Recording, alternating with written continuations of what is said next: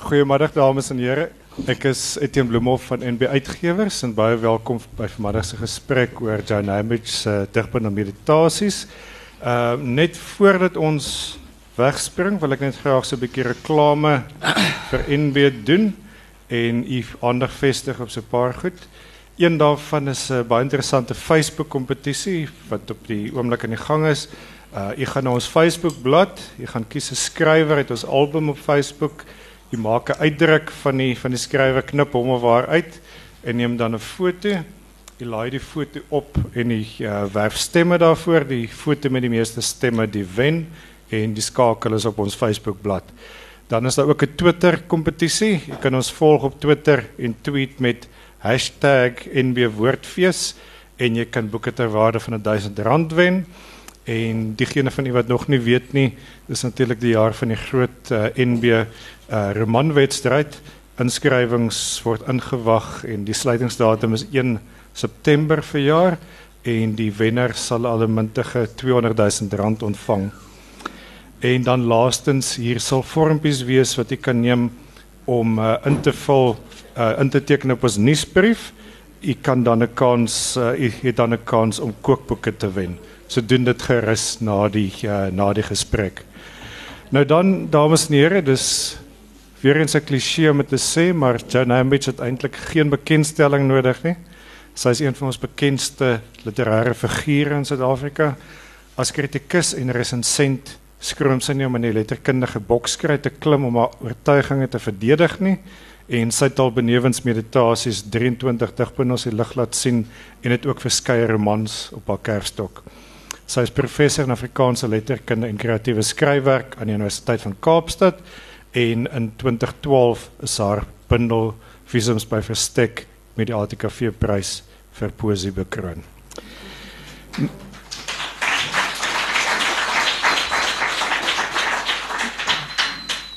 En Joan, nou wil ek sommer die Staansburg sê hartlik geluk met die uh, 24ste bundel.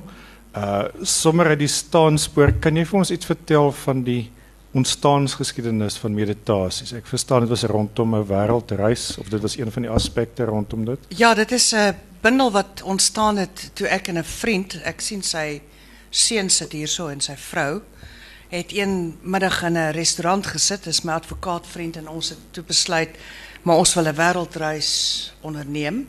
Met ander woorde dat jy begin in 'n bepaalde stad en om die aarde gaan. En ehm Dani van Niekerk, my voormalige uitgewer het vir my ook gesê dit is 'n fantastiese onderneming. En ek het eintlik met Dani se aanbeveling het ek besluit dit is iets wat ek wil doen voordat ek sterwe. En um, ja, ek en my vriend Jan het besluit ons gaan dit doen en ek het sommer die volgende oggend het ek klaar die besprekings begin. En ons het dit toe gedoen. Wat interessant was is dat dit was tydens 'n sabbatsverlof. In 80 dae of hoe lank het dit julle geneem? Ongelukkig met die ekonomiese toestande bietjie minder, maar dit was 'n fantastiese ervaring want ek het stede herbesoek wat ek wat ek as 'n jong mens die eerste keer gesien het. Ons het begin in Middag Joe Prince. Ons het begin in Hong Kong en daarvandaan Beijing, Tokyo en toe San Francisco. Los Angeles, Chicago, Washington, New York, Istanbul. Jan het later as ek begin, so hy was end agter my gewees, maar ons het in sekere stede het ons mekaar ontmoet en dit was baie lekker want toe ek kom uit toe hy uiteindelik in San Francisco aankom was ek al 'n rukkie daar en dan vlieg ons weer weg van mekaar en kry mekaar weer in New York. Het die blom in die hare gehad in die tyd wat hy daar opgedaag het? Absoluut. Hy het vir my terloops die blom aangebied, jy weet, as 'n grap.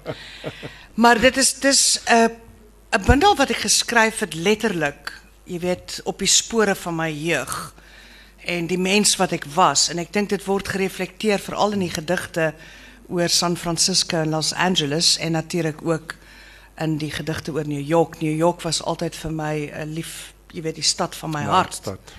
Maar die stad van my hart het nou verander na Istanbul. Ek was verlede jaar in Istanbul weer vir 'n bruk en ek gaan binnekort weer Istanbul toe. Istanbul is vir my net 'n ongelooflike stad.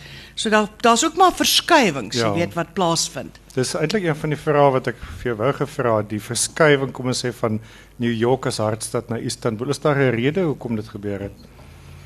Wel ek dink, jy weet New York Manhattan spesifiek het ek die eerste keer beleef toe ek 23 jaar oud was. En New York was toe heeltemal 'n ander stad gewees.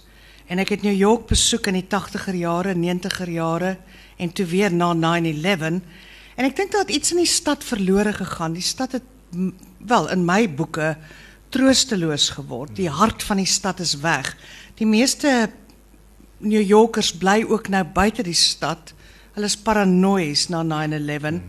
Jy weet in die uitbundigheid van die stad is weg. Die stad is nou verpak met toeriste en rooi busse. Nie dat ek daar iets teen het nie, want ek het juis op so 'n rooi bus het ek onder die Brooklyn brug hierdie foto geneem. Wat 'n gelukskoot met 'n mik en druk kamera. en ehm um, en jou vrou het dit natuurlik baie mooi verpak op die voorblad. Ja, ek dink die stad het verander en ek vind op die oomblik is Istanbul vir my 'n baie boeiende stad. Ek vind Istanbul se geskiedenis interessant. Ek vind die verskillende lae en vlakke van die stad wonderlik. Jy weet, die geskiedenis is vir my aangrypend. En jy kan natuurlik net in Istanbul rondbeweeg en net besef jy is in 'n wêreld wat so groot is. Toe ons verlede jaar in September daar was, ek en 'n vriendin, jy weet dat ons onder andere ook die Pamuk museum gaan besoek. Dit was fantasties want toe ons op die op die Bosforus sit, toe vra ek vir die gids, kan jy net vir ons presies verduidelik waar is die Pamuk museum? En daar begin die man op my te skree en te sê Moenie daai man se naam voor my noem nie. Hy is 'n verdraaier van die geskiedenis. Hy's 'n leenaar. Hy's 'n liegbek, hy's 'n plagiaris. Dis ek luister ek nie gevra vir 'n lesing nie. Ek het jou net gevra waar is die museum? So daar's geweldige heftigheid teen Pamuk natuurlik omdat hy die regering ook aan die kaak gestel het. Hy is ook aangekla en so meer oor omdat hy eintlik jy weet gewys het op die die ongeruimdhede in die gemeenskap. Maar die museum is absoluut fantasties dink dit is 'n museum wat Ingrid Winterbag veral interessant sal vind want die museum is letterlik elke aspek van daardie roman jy weet is op vlakke aangebied. Met ander woorde die sigaretstompies wat jy in die boek kry word aangebied. Jy weet dit is dit is regtig ongelooflik. Dit is asof jy in 'n in 'n museum stap en dan die roman weer anders interpreteer. Ja, natuurlijk die agressie van die mans in Istanbul is ook interessant. Dit is ook 'n interessante aspek om eintlik te sien hoe hulle vroue hanteer en so meer. So stede verander. Ek is ook baie gaande oor Hong Kong as 'n stad. Natuurlik vanweë my liefde vir James Bond films, moet sê ek weet dis 'n kliseë, maar as ek dink aan Istanbul dan kom Midnight Express onmiddellik by my op en dit klink of daar nog heel wat ooreenkomste dan dan is. Uh met die verskyning van die vorige publikasie, dit is Lot se vrou, was daar talle verwysings in die in die bundel na stilte gewees wat my opgeval het. Ek het jou destyds gevra of dit 'n korrekte aanname is dat uh die skryf van poësie vir jou onder meer 'n vorm van meditasie is. Nie red ons nou inderdaad meditasies. Nou die woord funksioneer eintlik as 'n as 'n leitmotief in die bundel en dit kry weet amper vorm van inkanterende waarde. Kan jy vir ons lig werp op die verhouding tussen digkuns en meditasie vir jou?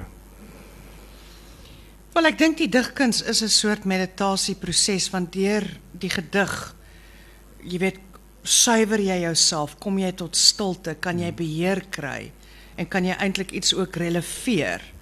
Jy weet daar is verskillende forme van meditasies my collega Etienne van Heerden van my gesê, nou hoe mediteer jy? Jy weet in 'n grap, want hy hou daarvan om grappies met my te maak. Waarop ek toe terug geantwoord en vir hom gesê het, vir my is meditasie ook 'n vorm van, jy weet, byvoorbeeld om 'n venster skoon te maak of met 'n stofsuier te werk. Met ander woorde, om iets net uit jou uit te werp en die terapeutiese die terapeutiese hmm. gedagte daarvan. Ehm um, ek dink nie die verhouding tussen digkuns en meditasie kan ek volledig verstaan nie, want as ek dit sou begryp, sou ek ophou dig. Maar dit is 'n bundel die die stede gedigte het ontstaan terwyl ek gereis het.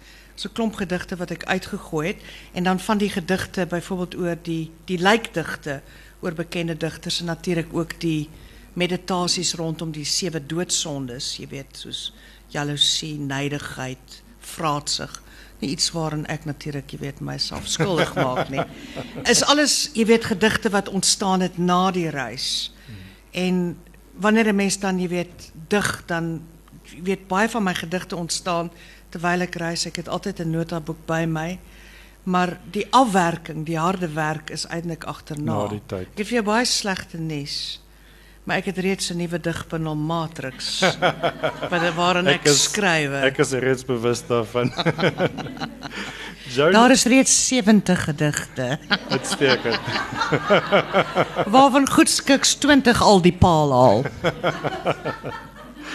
Joan, mense verwag dat uh, 'n groot voorvereiste vir meditasie, ek dink dit is dalk waarop Etienne gesin speel het, dat dit uh, inderdaad stilte moet wees.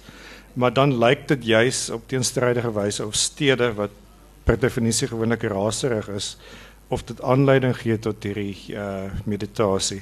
Hoe hoe verklaar jy hierdie oënskynlike teenstrydigheid? Wel stede het baie stil plekke in hulle. Jy weet selfs New York wat 'n raserige stad is. Is dit soos 'n beautiful noise? Ja, beautiful noise. Ja, nee maar stede het baie stil plekke in hulle. Mm. Daar's geweldige stil plekke in stede. Jy weet parke byvoorbeeld. 'n Stad is ook stil in die nag. Of wanneer jy bo op 'n dak van 'n hotel sit en jy kyk af op 'n stad. Daar's jy weet ek en my vriend Jan het byvoorbeeld in New York in 'n hotel gebly, ek in 'n ander hotel. En ons het byvoorbeeld in die nag het ons op die dak gesit en na die pragtige stad gekyk in totale stilte. En toe gaan stap. En ek het gouer moeg geword as hy. Ek dink hy het reg deur die nag het hy deur die stad gestap en en vir my gesê dit dit is 'n leuen dat New York die stad is wat nooit slaap nie want hy sê die stad is dan botstil, dis doodstil. En toe het ek vir hom verduidelik dat ek dink die stad het verander. Jy weet daar is 'n New York pre 9/11 en daar's 'n stad na 9/11. Ek was in New York op 'n studiebesoek gewees net voor 9/11 en jy kon iets van 'n onrus in die stad voel. Jy weet amper soos iemand net voor 'n senuweeineenstorting. Jy weet daar's iets wat nie pleis is nie. En mense het natuurlik bepaalde verhoudings met stede. Sekere stede praat met jou en ander stede praat nie met jou nie. Daar's sekere areas in Pretoria wat vir my absoluut fantasties bly omdat ek as 'n jong kind het ek in die middag, jy weet, altyd die bus geneem van waar ons gebly het en dan het ek in die stad gaan dwaal. My pa het gewerk op Kerkplein dat ek bo op die ou Mutual gebou gestaan as 'n klein kindjie en afgekyk op Kerkplein dat ek altyd dit was my fantasties my pa het my geld gegee en dat ek die bus gevat en gery tot in Sunnyside Sunnyside. O, dit was wonderlike dit was tye, né? Dit was fantasties. fantasties. En net daai gevoel van vryheid en dis iets wat altyd by my gebly het. En dit is ek dink hoekom ek so mal is oor reis, want ek het as 'n kind het ek al, jy weet, gereis, jy weet, baie ver van Kerkplein tot in Sunnyside. If you can make it there. You can make it anywhere. ja, ek is 'n nooi van Pretoria. Deernag Pretoria, toe later Standerton. Joan, jy het nou reeds na hierdie baie treffende omslagfoto verwys. Uh ek dink dit werk uitstekend vir die bindel, maar kan jy sê het hierdie foto vir ikoniese waarde? Hoekom spesifiek die Brooklyn brug vir 'n omslagfoto? Ek is baie gaande oor brûe. Ek lees ook baie oor brûe. Brûe is vir my baie interessante goeters. Vladimir Prop se Mythology of the Folktale, né, wat ook dan werk met die hele idee van die oorgang, die brug. Reg. Ehm um, in Edinburgh byvoorbeeld daai lieflike brug wat hulle vrees enige oomblik kan in mekaar bliksem omdat hulle beweer dat die aanpaksels in die voetjie mis kan die brug, jy weet, laat val. Hitchcock het dit reg gehad, né? Ja. en natuurlik die hele idee van 'n brug as 'n as 'n as 'n proses van liminaliteit. Eintlik is meditasie se bundel van oorgange. Jy weet dis iets wat ek in my eie siege agtergekom het dat ek is 'n baie geborge mens en dat ek as ek uit my geborgenheid geneem word in 'n posisie van oorgang dan dan stel jy jouself bloot aan allerlei gevaarelemente. Ek was verlede jaar Ek meen ek weet dit is 'n baie goed bewaarde geheim dat ek hou van reis maar in elk geval ek gaan dit nou met die gehoor deel. Ek was verlede jaar het, het ek Vietnam besoek en dit was absoluut fantasties. Want dit is nou 'n plek van liminaliteite, jy weet van oorgange. Dis amper asof die hele Vietnam oorlog gestol is in die tyd, soos 'n kinderkamer, jy weet vol speelgoed. Dit oral waar jy reis is daar relieke van die oorlog, want ek is baie geïnteresseerd in die Vietnamoorlog. Dit is my 'n fascinerende oorlog, die impak daarvan op die Amerikaanse geskiedenis. Op op daai punt, uh, ek het kennis geneem daarvan dit was jou mees onlangse reis Vietnam. Ja, dit kan ek jou my miskien onlangs- vra wat was je ervarings geweest? Uh wat was je indrukke van Vietnam, die hedendaagse Vietnam? Wel ek dink Vietnam is fascinerend vir alles mense geïnteresseerd is in die Vietnamoorlog en die geskiedenis van Vietnam. En natuurlik ook die verskille tussen, jy weet, hoe dit verskil van Saigon tot Hanoi. So dit was vir my baie fascinerend want ek lees baie oor oor Vietnam. Ek dink die grootste films wat die Amerikaners ooit probeer het is oor die Vietnamoorlog gemaak of die impak daarvan Ja. of op 'n indirekte manier. Ek meen selfs 'n fliek soos JFK, jy weet, registreer die Vietnamoorlog. En kan ons verwag daar sal dig gedigte in die nuwe bundel neerslag vind uit die Vietnam ervaring? Absoluut, dit is ongelukkig so, ja. ja. Joan, dan wil ek jou vra, ek dink dis 'n baie interessante strategie om in plaas van 'n konvensionele ehm um, uh flapteks het jy gekies om een van die gedigte ook agterop te te plaas. Ek Dis 'n kerngedig, né? Nee, Ja. Want dit is die gedig wat eintlik die die hele idee van liminaliteit en oorgang die beswering van die liefde, die afsegging van die ou self kom in daai gedig na vore. sal jy hom gou vir ons voorlees? Absoluut graag. Tyd immer gekoppel aan ruimte, 'n SMS van jou op die Brooklyn brug waar die stad op my wag. Ek neem 'n foto van die sterk grys kabels. 'n Brug beweer Vladimir Prop in sy studie is 'n oorgang tussen twee ruimtes, 'n koppeling. Ons sprokie is verby, weet ek, ten spyte van jou uitreikings na my in 'n ander ruimte, 'n ander tyd. Veel later analiseer ek ons in my hotel op Times Square. Absentasie of vertrek uit 'n bekende omgewing, ek. En 'n oortreding van jou versoek om nie te vertrek. O ja, ek is die triekster wat inligting bekom het oor jou dubbellewe en in jou afwesigheid hier, dit punt vir punt soos die kabels van die brug natrek. Praat praat verder van die moeilike taak of opdrag, die uiteindelike rekonsiliasie en transfigurasie. Helaas wys die gedig te veel van sy kabels en bane. Morphology of the Folktale het ek by my terugkeer soos 'n wafferse filoloog langsaam en lineêr bestudeer met die Brooklyn brug as 'n desktop background. Jy kan so lank ja. Ek het een hierso. Dit is so. Jan en dan span jy ook die die volgende tergende motto van die Poolse skrywer Czeslaw Milosz, as ek dit nou korrek uitspreek. Uh dit span jy as motto in lyric poets usually have as he knew cold hearts.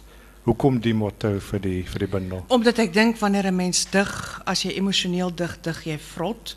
Jy moet altyd 'n objective correlative soek. Jy moet altyd buite jouself omdig. So die stede waaroor ek dig is eintlik fotos van my siege op daardie bepaalde oomblik. Maar jy moet altyd iets buite jouself kry. Jy moenie jy weet babbel en uit jouself uit praat nie.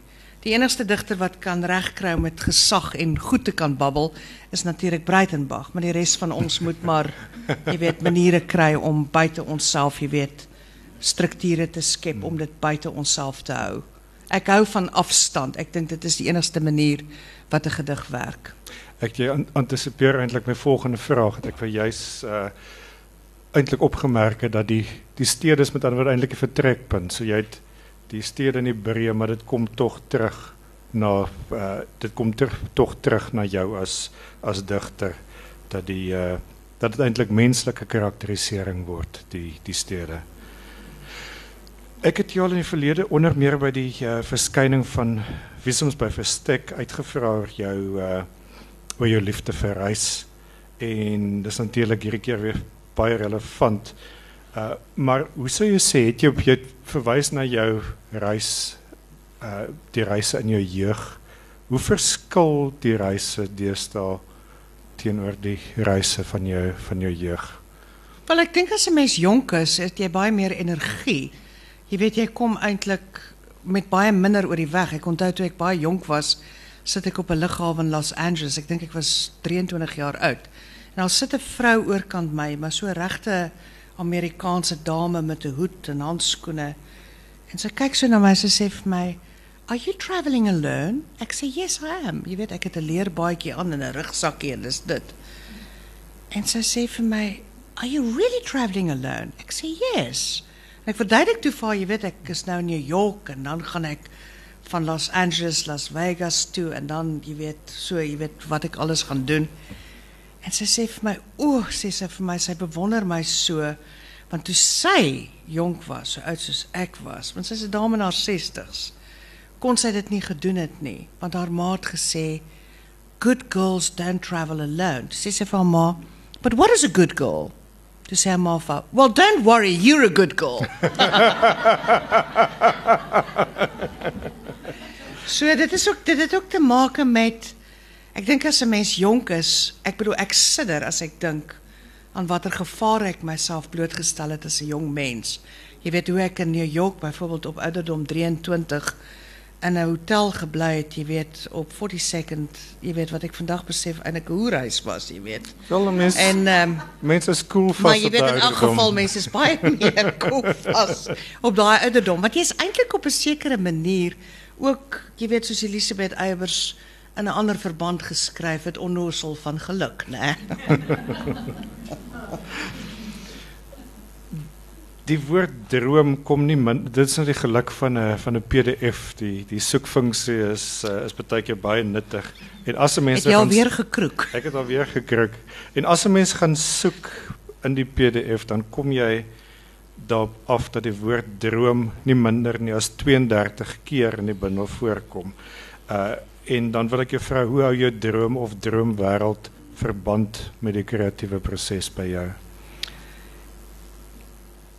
Ek droom dikwels 'n gedig. Jy weet drome is vir my iets waaruit ek idees kry. My drome bedreig my nie, ek onthou ook en ek skryf hulle onmiddellik neer wanneer ek wakker word. En baie keer sal ek ook iets in 'n droom aanvoel wat ek dan later, jy weet, sal besef dit was iets waarna ek moes kyk of iets waaraan ek moet aandag gee. So my drome bedreig my nie. Ek dink ja, ek dink ek het net miskien 'n vermoë om my om my drome te kan ontsluit. Ek slaap min, maar ek slaap, jy weet, ek het die kapasiteit van power sleep. Kwaliteit slaap. Ja, ek slaap jy weet ook ja, ek staan in die oggende 3 uur op en dan skryf ek tot 5 uur en dan gaan slaap ek weer. En ek dink omdat ek nie, jy weet, miskien reg deur die nag slaap nie. Ehm um, wel dikwels doen ek dit nie. eh, Dan dink ek versteur mens dalk jou jou kontinue slaap. En is dit 'n vaste patroon vir jou of Nee nee nee nee. worstel jy ooit Net wanneer met ek skrywersblok? net wanneer ek dig, Net dan word ek uh, jy weet word ek uh, in die nag wakker tussen 3 en 5. Ek het baie daaroor gelees. Ehm um, dit is natuurlik in die tyd wanneer mense in hospitale sterf, né? Wanneer die liggaam op sy laagste eb is. En dit is dan wanneer 'n mens geweldig kreatief is en dis ook 'n tyd van stilte. Want jy kan tussen 3 en 5 baie meer gedoen kry as wat jy sou gedoen kry, jy weet, wanneer jy op kantoor is en so meer. Baie goeie vraag wat uh, Helena de Plooie onlangs gevra het wat ek graag wil herhaal is of die gedig as sodanig vir jou meditasie is of is dit die ruimte van van meditasie? Beide. Ek ek ek ek dink dit dit is 'n ruimte van meditasie, maar die gedig dwing jou ook tot meditasie, tot jy weet skoonmaak, heel maak. Ja. En dan vind ek dat die die ernstige besinnende aanslag in hierdie bundel wat vir my baie knap afgewissel met humor en satire. Gedig 10 Chicago meditasie is byvoorbeeld vir my 'n baie goeie voorbeeld van die satire. Uh, ek het net gewonder of jy sal omgee om dit ook dalk ons voor te lees. Ja, ek ek dink mense moet natuurlik ook besef dat humor of satire of send-up is ook 'n komplekse emosie, né? Jy weet hoe jy goeters, jy weet, wat vir een persoon snaaks is, is nie noodwendig vir 'n ander persoon snaak maar in elk geval Chicago 'n meditasie. Godin Ceres staan hier op 'n gebou. 'n Handelsgebou nogal in Lake Point Tower. 'n Hulde blyk van Mies van der Roos se studente aan die meester op 333 en Wabash wys ons 'n mes hoe mense dit nou eintlik doen. This is the American saga writ large. Vertrou geen stad sonder 'n Ferris wheel. 'n Wiel vir geluk selfs te vind in die tarot.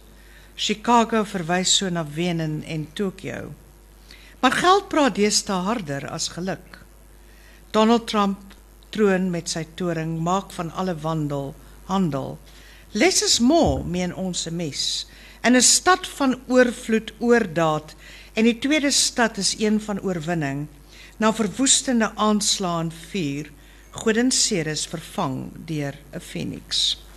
Jan terwyl jy is, wil jy nie miskien vir ons ook net uh, gedig nommer 13 uh, dit is New York meditasie. Kan ek is miskien- gedig 14? Kan ek miskien die een oor Istanbul lees? Jy kan natuurlik. Ehm die Istanbul 'n meditasie. Nou hierdie gedig het gereis op sy eie. Hy is voor in Marie se se jongste roman oor Istanbul natuurlik in vertaling opgeneem, vertaal deur my vriend Charles Lee. Ek gaan nou by New York uitkom, maar ek wil eers Istanbul toe reis. In 'n troebel droom skeer ek die binneblad van 'n boek uit. Daar waar die biblioteek datumstempel staan. Die boek handel oor hulle die dooies, die vertrekkendes wat soms in drome hul opwagting maak of in vreemde stede op 'n haar na lyk soos 'n inwoner van 'n stad. Maar praat met 'n vreemde tongval. Verbaas opkyk en nooit teruggroet nie of in 'n glaskas van 'n museum uitgestrek lê en onsiende staar. Dit het nooit aan hulle behoort nie. Hulle lewens was blote storie en die outeur se naam in die kolofon blyk te wees 'n skuilnaam. Daardie naam is die een waarna ek bly soek. Vanaand lees ek daardie geleende boek oor die lewens van my vriende, my vader en almal wat my pad gekruis het. Oor 'n lewe uitgeneem in die biblioteek van die dood. Dit is inderdaad 'n baie treffende gedig en as jy miskien vir ons ook gedig nommer 14. Ja, wat eintlik by hierdie gedig. gedig aansluit want in Amerika in in New York bly ek toe in 'n hotel reg op Times Square. En ek kan nie die nag slaap nie want reg voor my venster is daar 'n neonlig wat die hele nag flits. En dit is van 'n mannetjie wat stap en dan weer stop en ek kan nie slaap nie, kan nie slaap nie, kan nie slaap nie. En uiteindelik staan ek op en ek skryf toe nou maar hierdie gedig. New York 'n meditasie. Tydens 'n slapelose nag in die stad wat nooit slaap, flikker 'n advertensiebord 'n beeld van 'n stappende mannetjie. Vannag onthou ek die vele mense met roet oor hulle gesigte op die Brooklyn brug weg van die gemaal en twee geboue Eers die werklike gebeurtenis, dan die vele voorstellings uit verskillende hoeke afgeneem, weergegee en vermenigvuldig. 'n Vuur bly brand ter herdenking, foto's teen mure, blomme, kruise, onderhoude met naasbestaandes hou die herinnering lewend. Pyn is 'n slaapwandelaar waarvoor daar geen kuur bestaan, toe of nou. 'n Polisiepet, een paar skoene en 'n speelding uitgestal in 'n museum. Net die simboliek van skoene maak sin. Om aan te stap, beweeg, woordeloos te vlug van hierdie sinnelose daad met geen beskerming op daardie dag genaamd 9/11 toe hierdie stad vir ewig en altyd verklaar word tot ongeneesbare insomniak. Nou Joan om om jou eintlik onbillike vraag te vra die uh die feit dat 9/11 soos die noodlot dit wil hê op jou verjaardag plaasgevind het. Is dit iets wat die bewustheid van daardie gebeurtenis by jou geïntensiveer het? Wel ek dink almal van ons kan waarskynlik onthou waar ons 9/11 was. Daardie verskriklike dag. Ek was besig om met Daniel Hugo lunch te eet. En ek onthou ons het uit die restaurant gekom en ek het eers laatmiddag bewus geword van die verskrikking van wat gebeur het. En daardie aand het ek 'n partytjie gehad met vriende en ek ek onthou net dat almal was geskok geweest, jy weet oor ja, wat gebeur het. Louis, ek dink jy was die aand daar, né? Ja, saam met Antjie en Johan. Ja, so ek dink ek dink dit is dit is dit is net so 'n verskriklike dag. Ek dink daar's in die geskiedenis 'n paar momente. Jy weet, ek dink die jy weet 9/11 en ek dink voor dit JFK se dood. Ja. Dis ook iets wat my as En Diana se dood en Diana se dood ook ja. Mm. Ja. Daar's seker momente wat wat die geskiedenis eintlik stol Of toe ons die wêreldbeker gewen het. of toe ons die wêreldbeker gewen het. Absoluut. Nou praat jy. Nou praat jy. Ehm die hele idee van stap van beweeg fascineer my. Ehm en dit is hoekom ek geweldig hou van die skilder Andries Gous se skilderye oor voete wat ek werklik absoluut smashing vind. Ek dink dit is 'n dit is 'n man wat wat wat iets in daai voete raak sien want ek kyk altyd na mense se voete.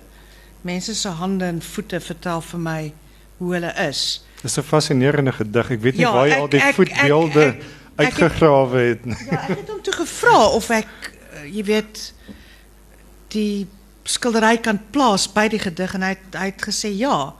Net soos wat Judith Mason met die hulp van Johan de Lange jy weet het ja, absoluut gebruik die skildery op die voorblad van Lot se vrou. En dit was my werklik, jy weet, ontroerend dat twee sulke groot kunstenaars vir my, jy weet, toestemming gegee het om dit te doen. Jy weet want want baie keer is is is groot kunstenaars of skilders nie weet baie te vind daarvoor om jy weet hulle werk so te beklodder nie. Maar ek dink in die geval van die gedig voete want ek ek ek hou baie van Gou se werk. Ek het ook sy ek het ook die die skilderye al baie intens beskou en dit is my baie interessant hoe hy letterlik net jou die voet wys en jy kan heeltemal die karakter van daai mens net uit sy voet uit raak lees. Soos ek kyk altyd na mense se hande. Hoe lyk iemand se hande? Jy weet, uh, vertel vir jou alles van daai mens. Jy weet nie dat ek 'n palmleser is nie, maar Joe, nou dat jy uh, Johan se naam genoem het, uh kan jy vir ons miskien insaag benewens die feit dat julle baie hegte vriende is, die invloed wat Johan op jou werk as digter het? kyk Johan en ek is ek dink dis algemeen bekend. Ons is ons is baie baie groot vriende, maar ons is nie 'n Siamese tweeling nie. Ek dink wat mense nie persepteer nie of miskien baie keer verkeerd verstaan is, ons het ook baie sterk menings wat totaal verskillend is. Jy weet en en ons verskil oor baie goeters ingrypend. Maar een ding waaroor ons beslis baie sterk voel is oor gedigte skryf en oor die digkuns en hoe dit moet werk. En as Johan 'n gedig van my gelees het en hy vind dit goed, dan kan ek my nie 'n bol skeel aan wat ander mense sê nie, want Johan is die grootste bullshit detector wat ek ken. Jy weet he cuts through crap like you can't believe it.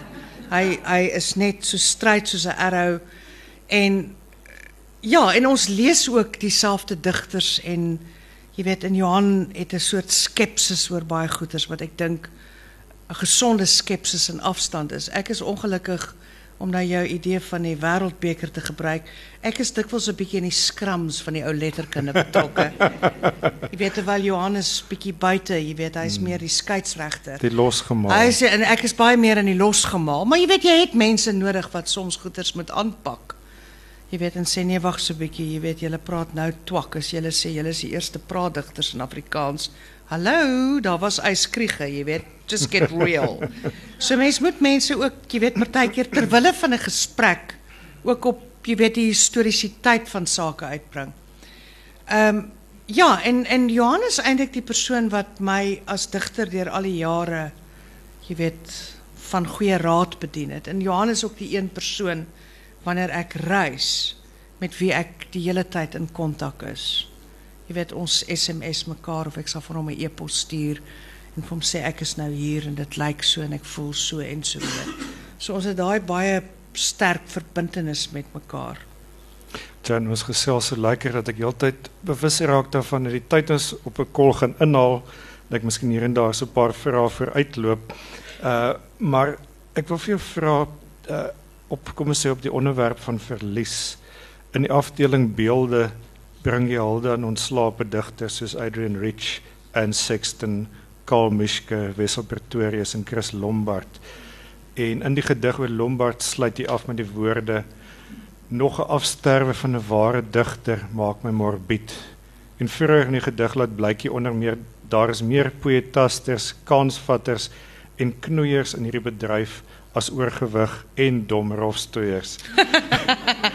Wel dis ook 'n satiriese gedig, né? Dan moet ek vir jou net vra, hierdie jaar het egter wel nuwe werke opgelewer van onder meer Small van die Kerk en Stokkenstroom. Dis nou dalk 'n moeilike vraag, maar vir iemand wat reeds byna 30 jaar as digter aktief is, hoe relatief gesond of ongesond dink jy is die poesie genre op die oomblik in Afrikaans? O, ek dink dit is baie gesond dat sopas 'n smashing digbundel van Andrius Besaidnout verskyn, die huishoudelike toestelle bundel. Daar is 'n lieflike bundel, maar absoluut fabulous van Piet van Rooyen wat found poetry is. Hy het 100 gedigte oor perde geskryf en alles gebaseer op groot skrywers, né? Stefan Zweig, Nabokov, uh, Bolano en hy vat tekste en hy, jy weet met ander woorde 'n bekende teks wat hy dan herdig in poësievorm.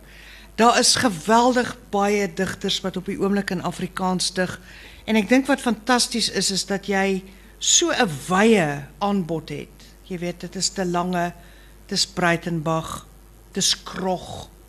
Daar is verskillende Stokkenstroom se laaste bundel wat fantasties is. Ek ehm um, moes Stokkenstroom bekendstel op uh, die Wellington fees en uh, toe ek begin deur te sê ons was verlede week in Istanbul gewees en daar het die kroegman my aangespreek as prinses en ek het nie presies geweet wat bedoel hy nie.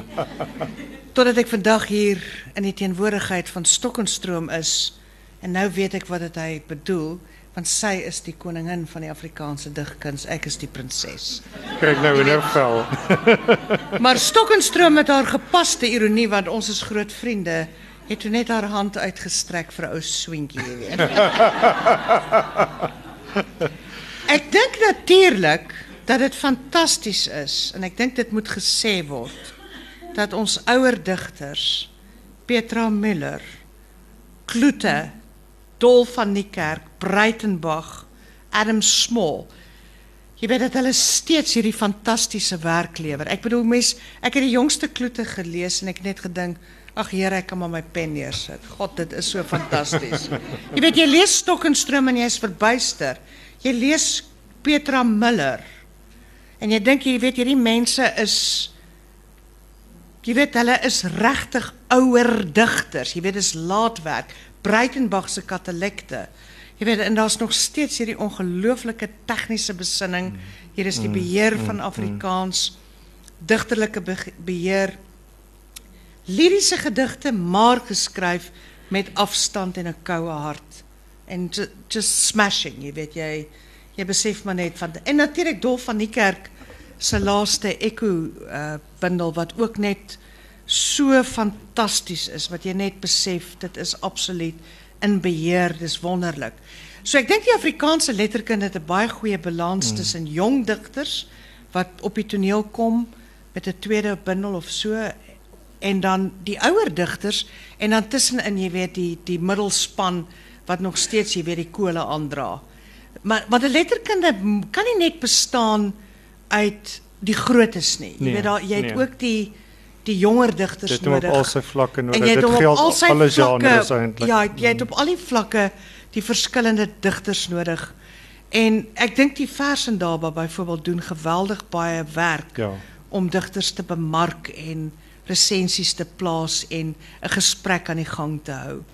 Jy Dan weet, moet ek daarom ook op hierdie punt sê en ons kom terug na meditasies dat ek dit roerend eens is met Henning Snyman dat hierdie van jou heel beste werk is. Ek was uh baie opgetrek met daai uitstekende resensie van hom wat onlangs op Litnet verskyn het. Mens kan dit natuurlik nie self sien wat is goed of beter nie. En ek ek dink in elk geval vir my is die skryf van poësie 'n reis en ek is eintlik besig om een groot digbundel te skryf.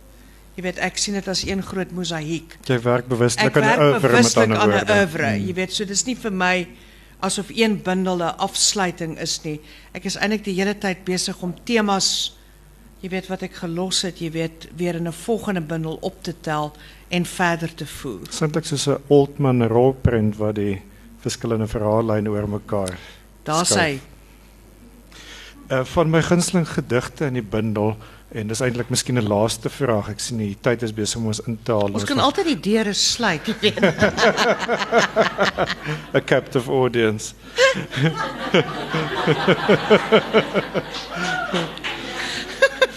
maar Jan van my gunsteling gedigte in die bundel is die lijkdigte waarin jy twee bekendes in die musiekwêreld in herinnering bring, Dion van der Walt en Anneke de Villiers. Ek wil twee vrae rondom dit.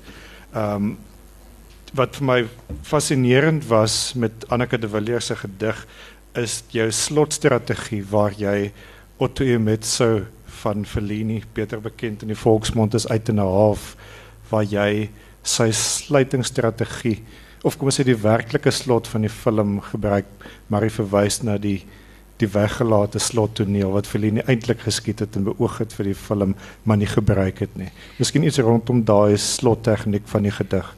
Wel in meditasies is daar verskeie verwysings na films James Bond, Fellini. Ek gebruik Hitchcock ook as 'n metafoor. Ek kyk baie films. Um, in die oggende wanneer ek gym, kyk ek 'n film.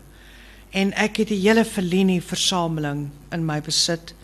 Soos wat ek ook die hele James Bond versameling in my besit het. Ek weet dit maak jou baie jaloers, maar toe maar dit staan in my testament, jy sal dit kry.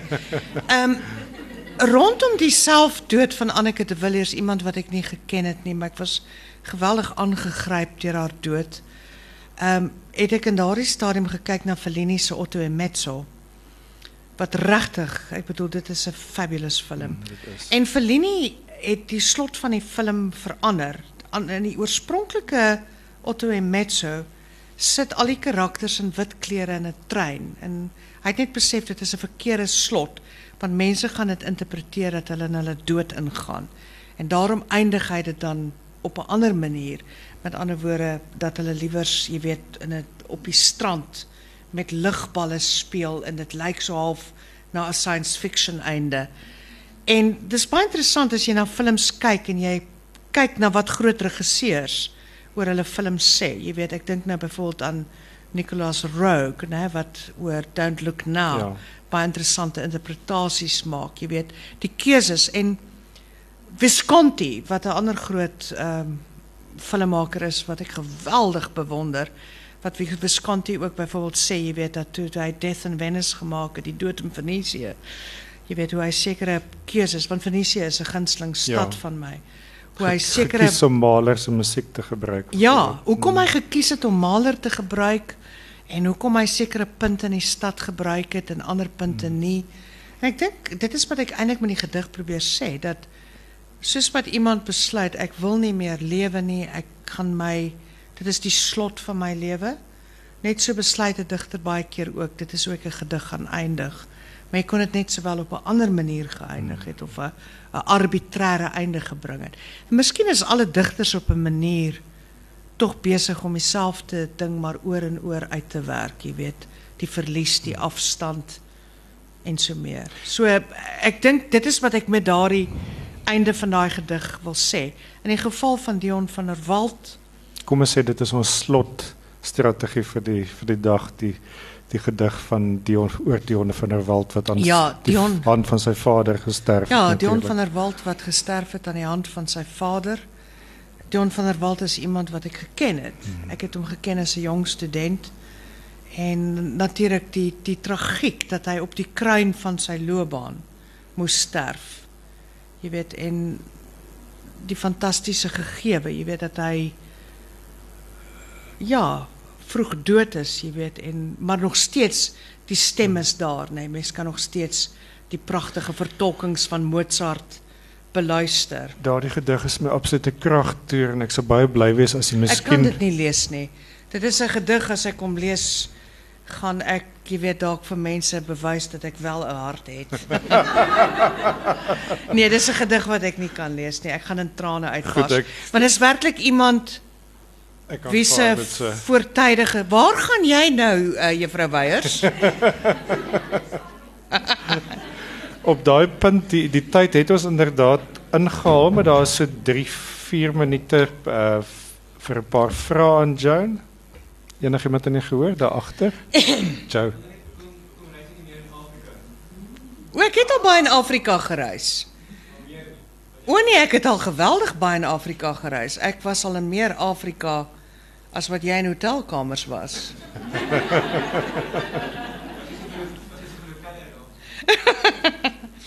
nee, ek het al baie in Afrika gereis. Ek ehm Afrika is 'n baie interessante gegewe om in te ek is eintlik my volgende reis is waarskynlik Malawi toe. Maar ek hoor Malawi. Maar ek hoor 'n mens moet daar rokke dra as jy 'n vrou is. Rokkies wil sy dra.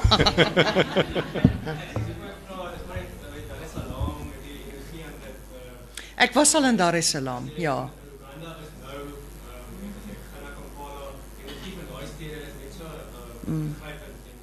Ek is gaande oor Mombasa. Ek dink Mombasa is 'n lieflike stad. Maar Afrika is is natuurlik soos weet gevaarlik want ons was in Egipte gewees net kort voordat die Egiptenare, jy weet, daar 'n bietjie ofwel voordat daar jy weet allerlei opstande was. Maar ek was al in verskeie, jy weet, uh Afrika plekkies. Ek is mal oor Afrika. Nog enige vrae? Ek was baie in Mosambiek, Botswana. Langs.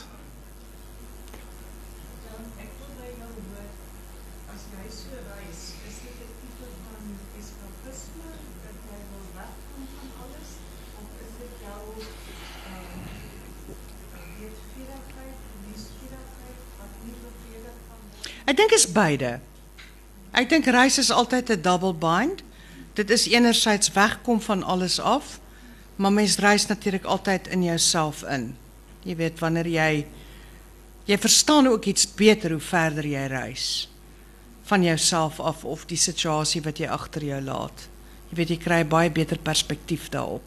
Maar dis ook weetgierigheid en ek dink reis verruim altyd 'n mens se lewe en dit relativeer ook alles, né? Want wanneer jy reis dan besef jy baie goeters waaroor mense in Suid-Afrika knor en mor en te kere gaan jy weet is is in die res van die wêreld ook so. Jy weet mense kla byvoorbeeld oor die ekonomiese spanninge in Suid-Afrika. Maar ek het meer werklose en hawelose mense in San Francisco gesien as in Kaapstad. Maar die Amerikaners hou dit weg van ons, né? Hulle is baie meer behendig. Ek dink ons pers is baie negatief.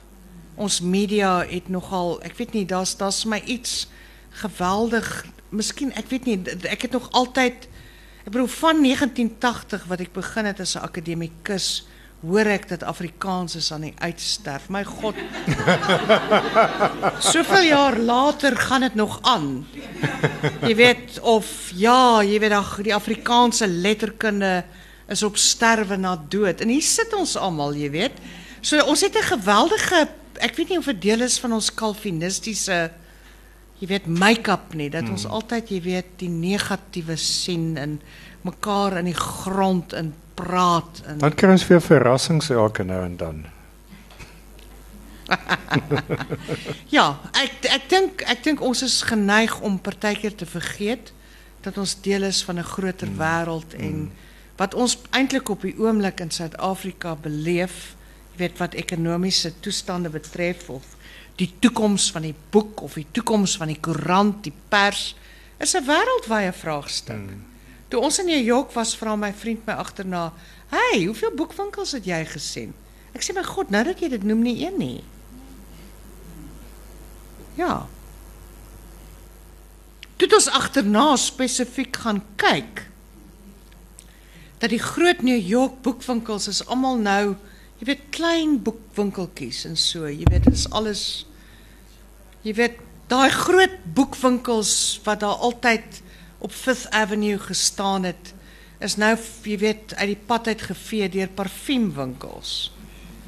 Jy weet, maar daar is nog in New York, laat ons nooit vergeet die Guggenheim en die Museum of Modern Art nie, jy weet, en daar is natuurlik in New York kan jy net eintlik deur te stap kan jy 'n stad beleef, so Chicago wat 'n fantastiese stad is. Jy weet, dit is 'n wonderlike stad. Joan, So wat ons beleef, daar's te veel mense op aarde finish en klaar. Ek wil nou nie soos celebi klink nie. Joan, die tyd het was inderdaad ingehaal. Ek wil vir jou sê baie dankie dat jy gemiddelde vrae na na intelligente vrae laat klink het. Dit was baie lekker om na jou te luister. Baie dankie vir u teenwoordigheid vanmiddag. Wel ek wil net Ek wil net sê dat my uitgewer Etienne Bloemhof, jy weet, ons is al so bietjie soos jy weet 'n Ster en Rogers. Jy weet ek Ek weet op daai hoeveel punt hoeveel keer het ons al saam gedans op op daai punt moet ek net sê as ek reg onthou toe Fred Astaire sy audisie gedoen het, was sy eerste rolprent was die opsomming geweest iets in die trant van can't can't sing can't can't act can dance a little slightly balding. Nee, ek is heeltemal bless en ek kan nie een van daai goed doen nie. Wel soos jy weet is ek 'n voorste danser. Maar in elk geval baie dankie en ek wil dit net ook uiteindelik vandag hier sê in die openbaar. Ek het dit nou die dag voor het die skols gesê wat ook 'n uitmuntende uitgewer was. Het jy kan jy onthou dat jy my in 'n stadium uitgegee het? Moenie vir my sê het is nie hier nie, maar yes, toe maar. Dankie Esther. Toe maar ek sal nie vertel van die skande met Palinodus nie. Maar ek wil net sê Etienne baie dankie want Etienne het op die laaste proewe het hy nog 'n fout opgetel wat my in 'n ernstige verleentheid sou gedompel het. Maar dankie vir jou onverdrote ywer. Baie dankie.